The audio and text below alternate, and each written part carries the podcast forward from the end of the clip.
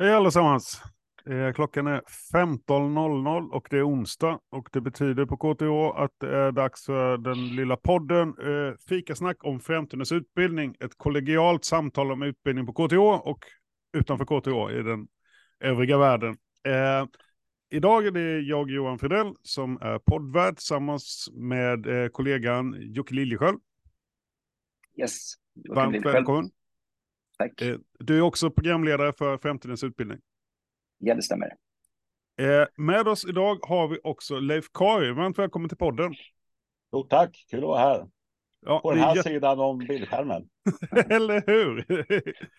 eh, eh, många på KTH vet ju vem du är, men inte alla. Skulle du, Leif, bara kunna kort berätta vem du är, vad du har för bakgrund och vad du gör på KTH och vad du har gjort på KTH? Bara I korthet. Ja, lite korthet. Eh, jo, Leif Kari heter jag och börjar man bara med mitt namn så är det lite konstigt namn eftersom Leif är ju ett eh, vikinganamn. Medan efternamnet har finsk ursprung. Så att jag har finsk ursprung, båda mina föräldrar är, är finnar. Eller var finnar, de har dött sedan flera år tillbaka. På KTH just nu, några veckor till, så är jag vice rektor för utbildning.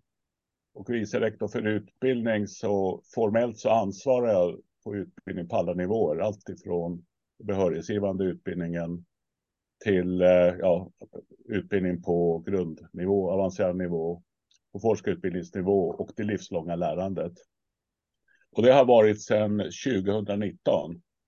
I första april, alla mina positioner har jag fått första april, så ibland så undrar man om det om det är liksom skoj då som chefen har kommit, men det har förslaget i alla gånger. Och innan det så var jag eh, skolchef på Teknikvetenskapliga skolan i sex års tid. Och det började jag också den första april. Eh, och innan det så har jag varit prefekt på en, en institution som inte finns längre. Den är eh, en del av en institution nu som heter teknisk mekanik. Och då hette den farkost och flyg. Och innan det så har jag varit programansvarig på teknisk fysik under sex års tid. Och jag har även varit studierektor och även startat ett program där jag var programansvarig inom magisterprogrammet under Flodis tid och det var ju väldigt många år sedan. Och det var magisterprogram i ljud och vibrationer och numera så tillhör det masterprogrammet i teknisk mekanik.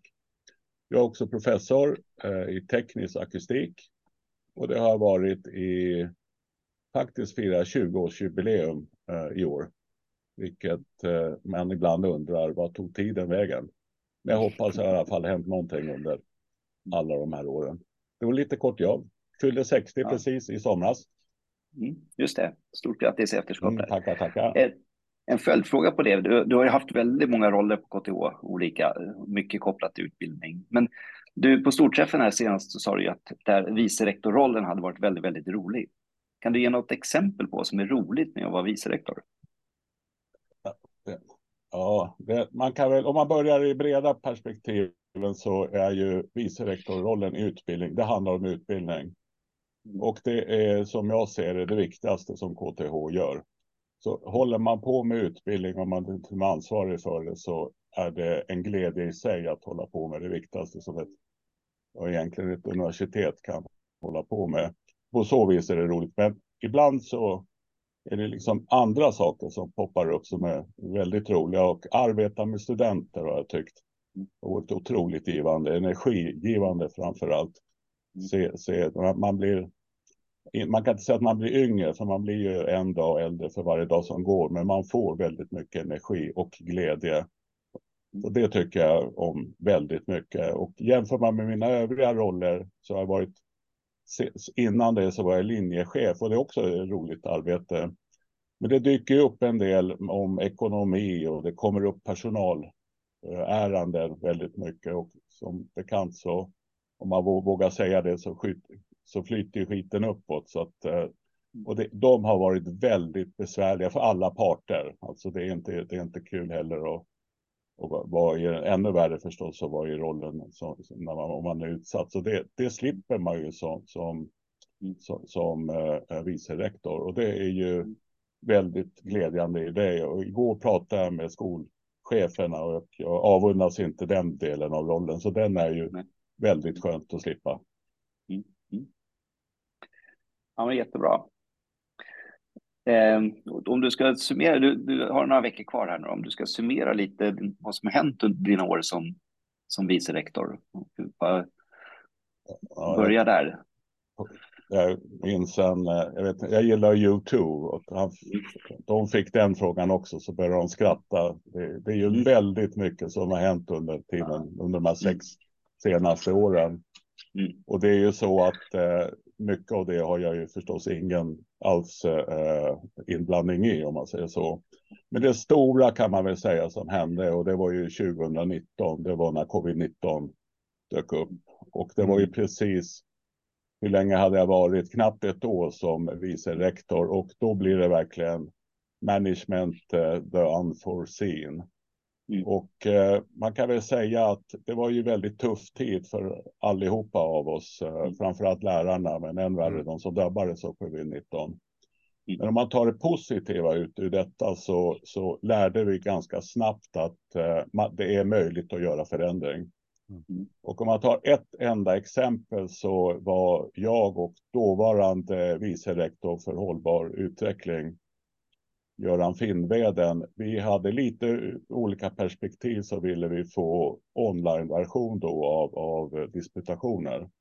Mm. Och det här var bara några månader innan covid-19 dök upp och då sa de att det här är helt omöjligt när vi försökte få till det här. Det förstår du väl Leif, det förstår du väl Göran? Att det här går inte att göra eftersom vi har alltid haft disputationer på plats. Och eh, min, min inställning till det är att det där behöver vi nog kunna göra. Så vi, låt oss köra en liten pilot och det är ungefär där vi landade. Sen bröt covid-19 ut och det var ett faktum att vi kör online-versioner av, av eh, eh, disputationsakten. Och vi har behållit den och jag vill nog påstå att flertalet av oss som har haft det, så jag har också haft eh, doktorand och vägen, vi är väldigt nöjda med detta.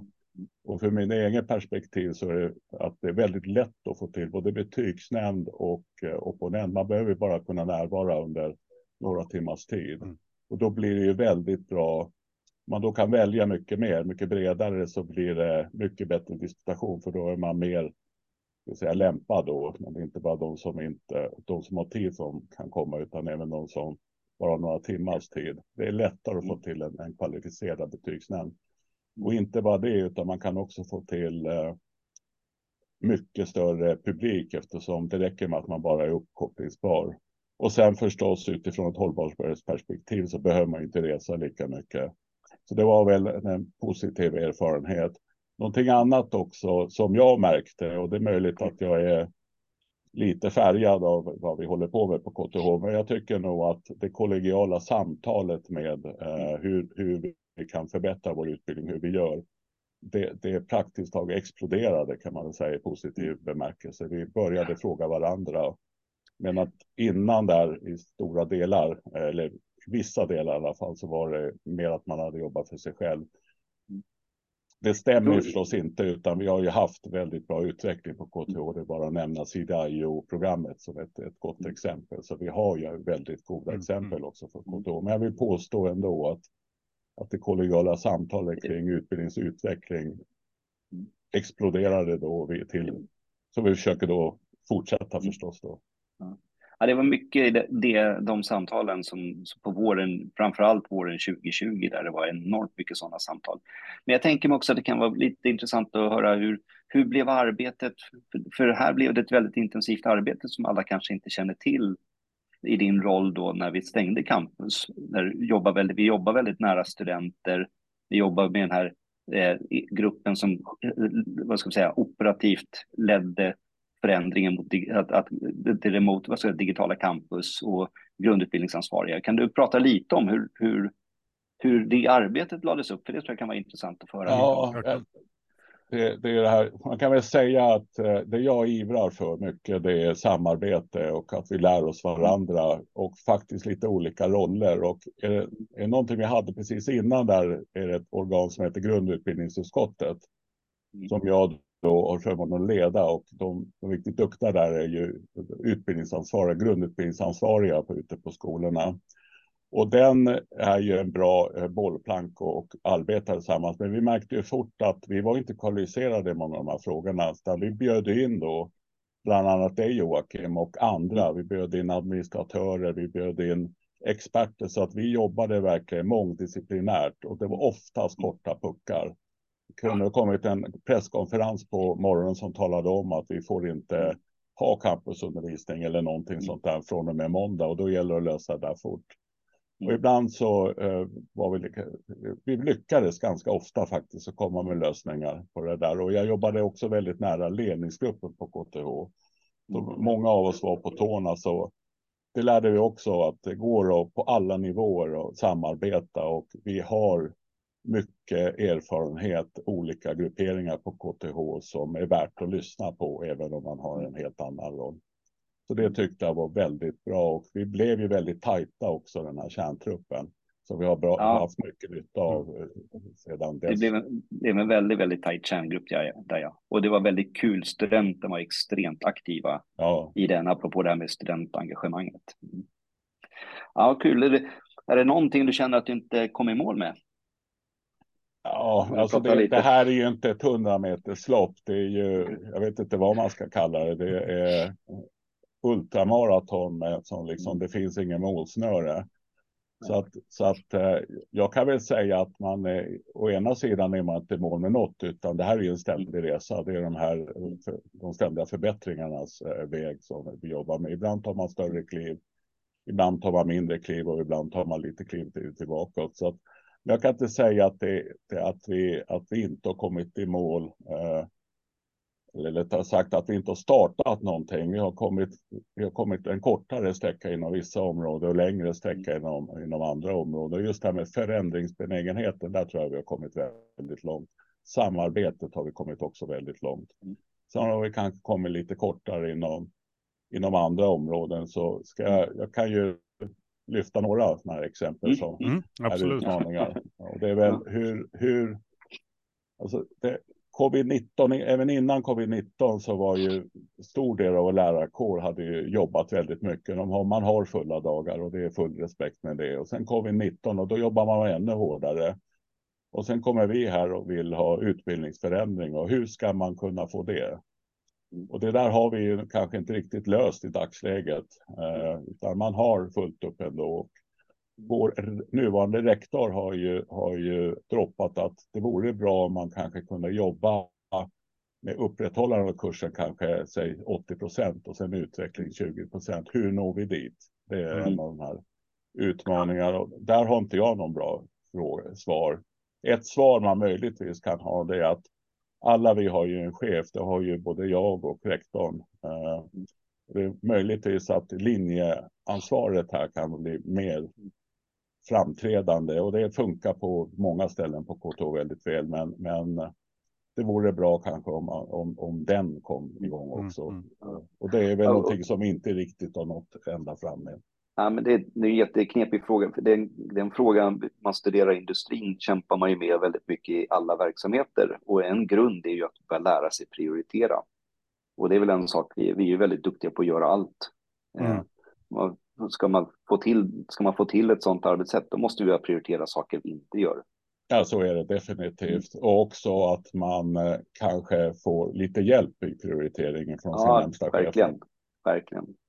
Det, det, det, det är nog närmsta chef som måste, ja förlåt. Ja, men, eh, och jag tänker också att det handlar om, ja, men jag tillhör ju då verksamhetsstödet, det handlar ju om att vi också blir bättre på att ja, men förse med system och processstöd som motsvarande lärare verkligen behöver då. Eh, för att eh, antingen då öka kvaliteten i det man gör eller att man kan frigöra tid och, och lägga den på, på annat och utveckling helst. Så det, det är ju de två ledstjärnor vi har med oss hela tiden. Eh, men för att verkligen nå dit så måste vi också komma väldigt nära lärarna. Eh, inte bara vissa lärare, de som, som ofta hör av sig, utan liksom den här stora massan av, uh, av lärare. Så det, det, är ett jobb som ligger på oss och där vi har mycket kvar att göra, tror jag, för att vi ska få liksom, frigöra tid för lärare just för utveckling. Uh, så det, det finns en potential där, tror jag också. Och den här podden den handlar ju om framtidens utbildning och det är väl någonting som jag måste vara stolt över att vi har lyckats hela KTH och sjösätta. Ja. Och det, det, måste jag ju nu, om man tänker retrospektivt, att det är ju jag väldigt nöjd över naturligtvis. Sen finns det vissa bitar där som, som, som man måste jobba med, men, men, om man, men vi har ju väldigt goda exempel inom de här principerna på, fram, på alla de principerna på KTH vi kan lära varandra mm. av. Man kan säga att de principerna är ju en del av allt det vi lärde oss under pandemin, att kunskapsdela kring och sätta, få diskussion kring så att vi, vi hjälper varandra framåt med hjälp av dem. Så att, ja. Mm. Det, det, ja, det, blir, det är roligt att, att det blev, blev verkstad av den rapporten. Ja. Mm. ja. Och mycket tack vare också vår, vår, vår, vår rektor på den tiden och vår nuvarande rektor som driver på i den mm. utvecklingen. Mm. Så det känns ju också skönt att ha det stödet. Ja. Mm. Du, du har ju varit med eh, länge Leif och inte minst då som vice rektor under, under fyra år. Eh, men även före dess. Alltså, hur har KTH förändrats under den tiden? Eh, det kan ju vara en svår fråga naturligtvis. Men utifrån ditt perspektiv, vad, vad, vad ser du att den här organisationen, alltså förändring och i vilken riktning, eh, om du har noterat någon sådan? Utöver covid då? Eh... Ja, nej, alltså, nu är det ju lite, men om vi tar efter covid så, så vill jag påstå att, att vi är mer rustade för ett förändringsarbete och vi vet att det är möjligt att göra det. Och sen är jag ju förstås lite jävig i det här, men jag tycker att jag hör eh, när, när jag lyssnar omkring att, att eh, utbildning diskuteras mycket mera på alla nivåer. Eh, det är väl en, en sån här jättesak som jag tycker och det var ju någonting som jag också fick av Sigrid att vi måste få till. Då, va? Och jag vill, vill, inte påstå att det är jag som är liksom ansvarig till det där, men jag märker att, att utbildning har fått en mycket högre prioritet. Och tittar man på utbildning som sådan så brukar ju folk nämna att det här är, är det här är inte så viktigt på KTH. Eh, framförallt de som kanske brinner för utbildning.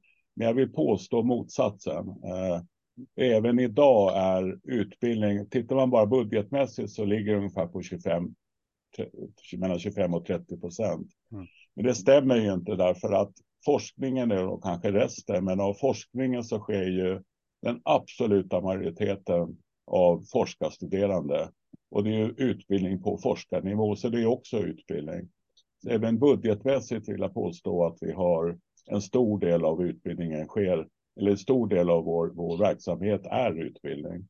Så det är även i dagsläget. Och utan utbildning så vill jag påstå att då dör universiteten. Då blir vi bara en forskningsinstitut och det vill vi inte. Samtidigt så är det också viktigt med forskning. För annars så blir det ju en, en, ja, en gymnasial verksamhet i så fall. Då. Utan med kopplingen forskning och utbildning som är viktig. Men jag vill nog påstå eh, lite jävigt då att, att utbildningen har fått en större eh, ska jag säga, positiv bemärkelse. Sen är det ju att det finns vissa av de här principerna och jag tar en egen reflektion. Jag vill påstå till exempel att jag har ju varit väldigt länge på KTH och pratar vi till exempel breddad rekrytering och breddat deltagande så är det nog så att man numera så förstår vi att det är viktigt för vår kvalitet. Får vi till exempel 49 procent kvinnor av, på vår utbildning och 49 procent män och inte så obalanserat som idag, resten icke-binära, då kommer vi få bättre output på vår utbildning och likadant på forskning. Och det finns forskning som visar det också. Så att det, och det här är inte bara bredda rekryteringar har ju inte bara med kvinna och man att göra eller icke-binär, utan det har även att göra vad man har för bakgrund. Så att ha, ju bredare bakgrund vår studentpopulation har, desto större desto, desto fler perspektiv kommer man ha, desto bättre diskussioner kommer man ha och desto lättare kommer vi kunna lösa våra komplexa problem i samhället. Nu tänker jag kanske när man har blivit klar på KTH. Och det här är en överlevnads och en kvalitetsfråga på KTH som är otroligt viktig. Och eh, det, den insikten eh, vill jag påstå att den fanns inte för 10-15 år sedan bland, bland majoriteten av av, av uh, de vi... Det var nästan så att man skulle vara tyst i rummet när man lyfte den frågan. man, man kopplade så starkt till att det skulle vara en kvalitetsförsämring, men jag vill nog påstå att det är rena motsatsen. Mm. Men, men, det är ju en svår fråga, för det finns ju ett, vi, vi brukar säga tick the box perspektiv på den, att man vill, man vill få upp rekryteringssiffrorna, men sen har vi ju det här breddat deltagande, att faktiskt se till att de som kommer in också klarar utbildningen. Vill du säga någonting om det? Där har vi, där har vi lärde vi oss väldigt mycket på pandemin, ja. bland annat. Ja, det, det, vi lärde oss på pandemin är att eh, vi har som våra, våra barn, våra akademikerbarn har ju oftast eh, IT-resurser och sånt hemifrån då. Men, men vi lärde oss på pandemin att så ser inte fallet ut bland många av oss. Och mycket av vår upplägg eh, vill jag också påstå eh, lite tillspetsat är gjort eh, i stort sett för våra egna barn. Det vill säga att man har ungefär de resurser man har. Man förutsätter att de studenter som går här, de, man vet, de har de resurserna hemma, man har någon att fråga. Man vet till exempel hur man strukturerar en rapport. Uh, och det, det, så att vår utbildning är just det här med breddad deltagande. Den är inte i, i nuläget riktigt riggat för breddat, eh, breddad rekrytering. Och det är inte de som kommer in deras fel, utan här har vi ett stort ansvar vi, som ett lärosäte. Mm. Och den diskussionen eh, pågår just nu och vill jag lyfta något exempel så är det biblioteket på KTH som är ett jättebra arbete inom det här och är väl medvetna om hur, hur man kan få mm. till det då.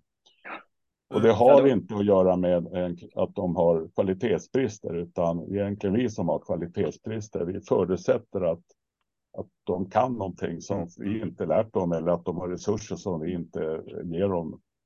Så att det, nej, det är, där har vi en läxa att lära. Ja, men det, vi, vi har jobb, det, det, finns också många goda exempel kring det. Så ja, det är men biblioteket gör ju ett jätte, jättejobb, så mm. det är bra. Mm. Ja, det, ja.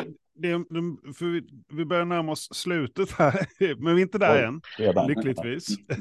men men eh, du, du gjorde en snygg eh, passning där, Leif, indirekt då, alltså för nu går vi liksom lite grann till vad ser du för utmaningar för KTH? Alltså att, att jobba vidare med den breda rekryteringen och inte bara liksom eh, rekryteringen utan stödet till och uh, formerna för de, de, de studenterna. Det är ju ett sådant område. Vilka andra områden ser du som är alltså, viktiga områden uh, ja, det... eller utmaningar för KTH som lärosäte framåt? Kanske främst då inom utbildning. Ja, vi har ju nämnt ett annat exempel. Det är ju det här med linjechefernas roll. Att, eh, har vi till exempel att vi vill att man ska kunna utvecklas i 20 procent av sin tid, antingen kurs eller sig själv, då måste man ju eh, sätta den tiden för det. Och det är ingenting jag som lärare ska försöka hitta tid för. Då blir det lördag och kvällar och allt möjligt. Och det är ju inte tanken, utan det ska man kunna göra på sin vardag. Och där har ju våra linjechefer en stor roll att uh, fylla. Och där vill jag, där tror jag mig, uh, eller i alla fall gissar jag, eller det ser så ut, att det, det nya kvalitetssystemet som fakultetsrådet har arbetat fram, att det kommer hjälpa till. Eftersom där kommer man ha en kvalitetsuppföljning på också närmare linje än vad man gör då. En, jag, och jag, jag, kan flika in där. Jag, kom, jag, sitter ju faktiskt just nu i fakultetsrådet, jag smet ut för podden. Okay. Och vi precis diskuterar riktlinjen och det är, det är helt korrekt. Alltså den, en av de stora punkterna är ju den årliga uppföljningen som inte går mot programansvariga utan går mot linjen mm. och linjens alla kurser och att implementera den på ett bra sätt. Det är lite nyckeln. Ja, det är lite. här, här kommer vi till fakta faktiskt. Hälften av våra kurser är inte obligatoriska på program. Ja. De måste följas upp på annat sätt. Mm. Och tittar, alltså, man, tittar man på forskarutbildningsnivån till exempel så kan det inte vara så att uh, man ger forskarutbildningskurser på frivillig basis. Helt egentligen att nej, det, det, blev ingen kurs i år för ingen ville göra det, utan det måste ju vara lite linjestyrning över det hela. Sen vet vi att det blir alltid bättre om man gör det på frivillig basis. Så det, de, det, är inte. eh, det är inga motsatser jag pratar om här. En annan sak, om jag får inflika, som jag ser det som en utmaning, det är ingenjörsyrket, läraryrket och arkitekter är ju en väldigt eh, praktiskt. Det är en yrkes, eh, ett yrke faktiskt man lär sig mm. och det kan ju inte bara vara teorier då man lär sig utan och för att göra, ar, arbeta inom ett yrke och man ska lära sig så måste vi ha experimentella resurser. Och där måste vi bli betydligt bättre och, och det här är ju förstås en jätteutmaning. Vi har några program, jag vill inte peka ut riktigt vilka det är, som har kanske lite bättre förutsättningar för detta. Andra program har betydligt sämre förutsättningar och ibland så, så har man förutsättningar för det och ofta så är det beroende på en enskild avdelningsekonomi om man har möjlighet att mm. göra det här. Och det här måste vi bli betydligt bättre på. Och det här är en jätteutmaning, har varit en utmaning under många års mm. tid och det blir inte mindre utmaning nu när vi har lokalkostnader som vi har insett är betydligt större än vi har trott tidigare. Så det här säger jag som en stor utmaning, men, men fortfarande ett måste, att vi måste lösa det då. Mm. För den är lite intressant om man reflekterar. Vi har gjort en del, du, du har ju varit ute på många besök runt om i världen. Hur ser det ut där? Skulle du säga? Jag är ju varenda gång när jag kommer ut så är jag ju avund av jag blir nästan grön av avund när jag ser. Mm. Jag har ju fått förmånen att resa i min roll eh, runt om och det är klart att man väljer ut saker där universiteten mm. man lära sig från. Men, men eh, tittar man bara på Australien till exempel så har de otroliga resurser. Singapore, eh, detta. Så att, så att där kommer vi halka efter fort då om vi inte gör någonting omedelbart. Det här vore ju kul kanske att kunna ha något att visa upp, eh, flickar jag in under år 2027. Varför inte ha ett makerspace som vi kan visa upp för vad vi gör här på KTH som, ja, som jag kallar för makerspace, då, som är öppen för alla våra studenter. Mm. Där man också, det är inte bara att man får tillgång till experimentella labb, utan de ska ju vara designade på så vis att man faktiskt kan experimentella fritt. Mm. Inte så att man gör illa sig, utan att man faktiskt kan försöka lösa en uppgift och tillåts göra fel, för det är så mm. det händer. Man gör inte rätt alla gånger, så att det inte blir en, bara en fylleriövning då, utan att det blir någonting mer autentiskt kan man väl säga. Och det kostar pengar, det vet jag också som gammal linjechef. Mm. Det är en svår utmaning och där avundas jag inte de som ska försöka lösa det. Mm. Ja, men det är ganska mm. tydliga förslag framåt också här. Eh, mm. och eh, alltså det, det ankommer ju på oss alla att jobba vidare med, med, med frågan. För att eh, menar, vi, vi, vår, vår ambition är väldigt hög. Vi ska ha både forskning och utbildning i världsklass. Eh, och det, det tarvar vissa förutsättningar. Eh, det ankommer på lärare, men det ankommer också på oss som jobbar inom verksamhetsstöd och andra, liksom, att vi, vi måste steppa upp för att vi ska möta, ha en, ha en möjlighet eh, som lärosäte sammantaget. Ja, och jag ser, det vill också innan, slut, innan vi tar slut här, att eh, jag brukar ju säga att vi på ett universitet jobbar med egentligen en uppgift, är forskning och utveckling och det är forskning och utbildning och det gör eh, ihop, även ni på verksamhetsstödet. Jajamän. Alltihopa som vi gör måste ju ha bäring i och så att det finns liksom ingen tredje uppgift eller, eller samverkan utan allt det där ingår i utbildning och forskning. Vi ska ju samverka inom forskning och utbildning och det är klart att stödet är jätteviktigt. Vi måste ha proffs som hjälper till i, i det här och stödet är proffs inom, inom de områdena. Ja. Men, eh, jag sitter och suger på en grej här innan vi avslutar. Yes. Är det någonting du känner att det här skulle vi gjort annorlunda? Som man kan lära sig liksom vidare till nästa steg? Ja, det är ju en jättebra eh, fråga och, och eh, det finns ju, det, ja, man kan ju säga ingenting eller allting då. Ja, precis. Jag, jag, jag, själv är ju ganska ivrig ibland så att jag får för mig någonting att det ska så att eh, jag själv har ju lärt mig att man kanske ska lugna ner sig lite grann också. Man tar det personliga planet eh, och det försöker jag jobba med. Och det är ju, det är ju eh, någonting som jag har, har märkt och, och det är alla de här, jag har gjort väldigt många organisationsomvandlingar och sånt, det är att är det någonting som det alltid kritiseras, det är kommunikationen. Mm. Kommunikationen kan aldrig bli för, då, för bra. Uh, och det här podden är ju ett utmärkt exempel. Detta. Mm. Men, men eh, så, så, att det är någonting som, som vi har lärt oss och vi, även om vi har lärt oss att kommunikation är viktigt och vi, det finns ju nu en till och med dedikerad anställd då, som jobbar med framtidens utbildning så, mm. så kan den bli bättre. Så kommunikation är en jätteviktig bit i det hela. Mm. Och kanske också att, att det kan inte bli mycket mer av alltihopa, utan vi måste prioritera. Och ibland glömmer vi bort och nämna det och vi har ju sagt det redan två gånger i den här podden. Mm. Och det är ibland när man har sagt att man måste göra någonting så glömmer man det här att då kanske man ska göra något mindre av någonting annat också. Ja, men det är jättebra. Kommunikation och prioritering, vi tar med oss de Mm. orden verkligen. Väldigt bra sätt att avsluta den här podden på. För vi, 30 minuter går så himla fort när människor eh, som brinner för något pratar om det de brinner för. Eh, jättekul att du tog dig tid Leif och eh, hakade på. Kul att vara här och eh, lycka till framöver. Tack och tack detsamma. Tackar, tackar. Ja, Tackar. Ha det gott. vi görs. Hej då. Hej.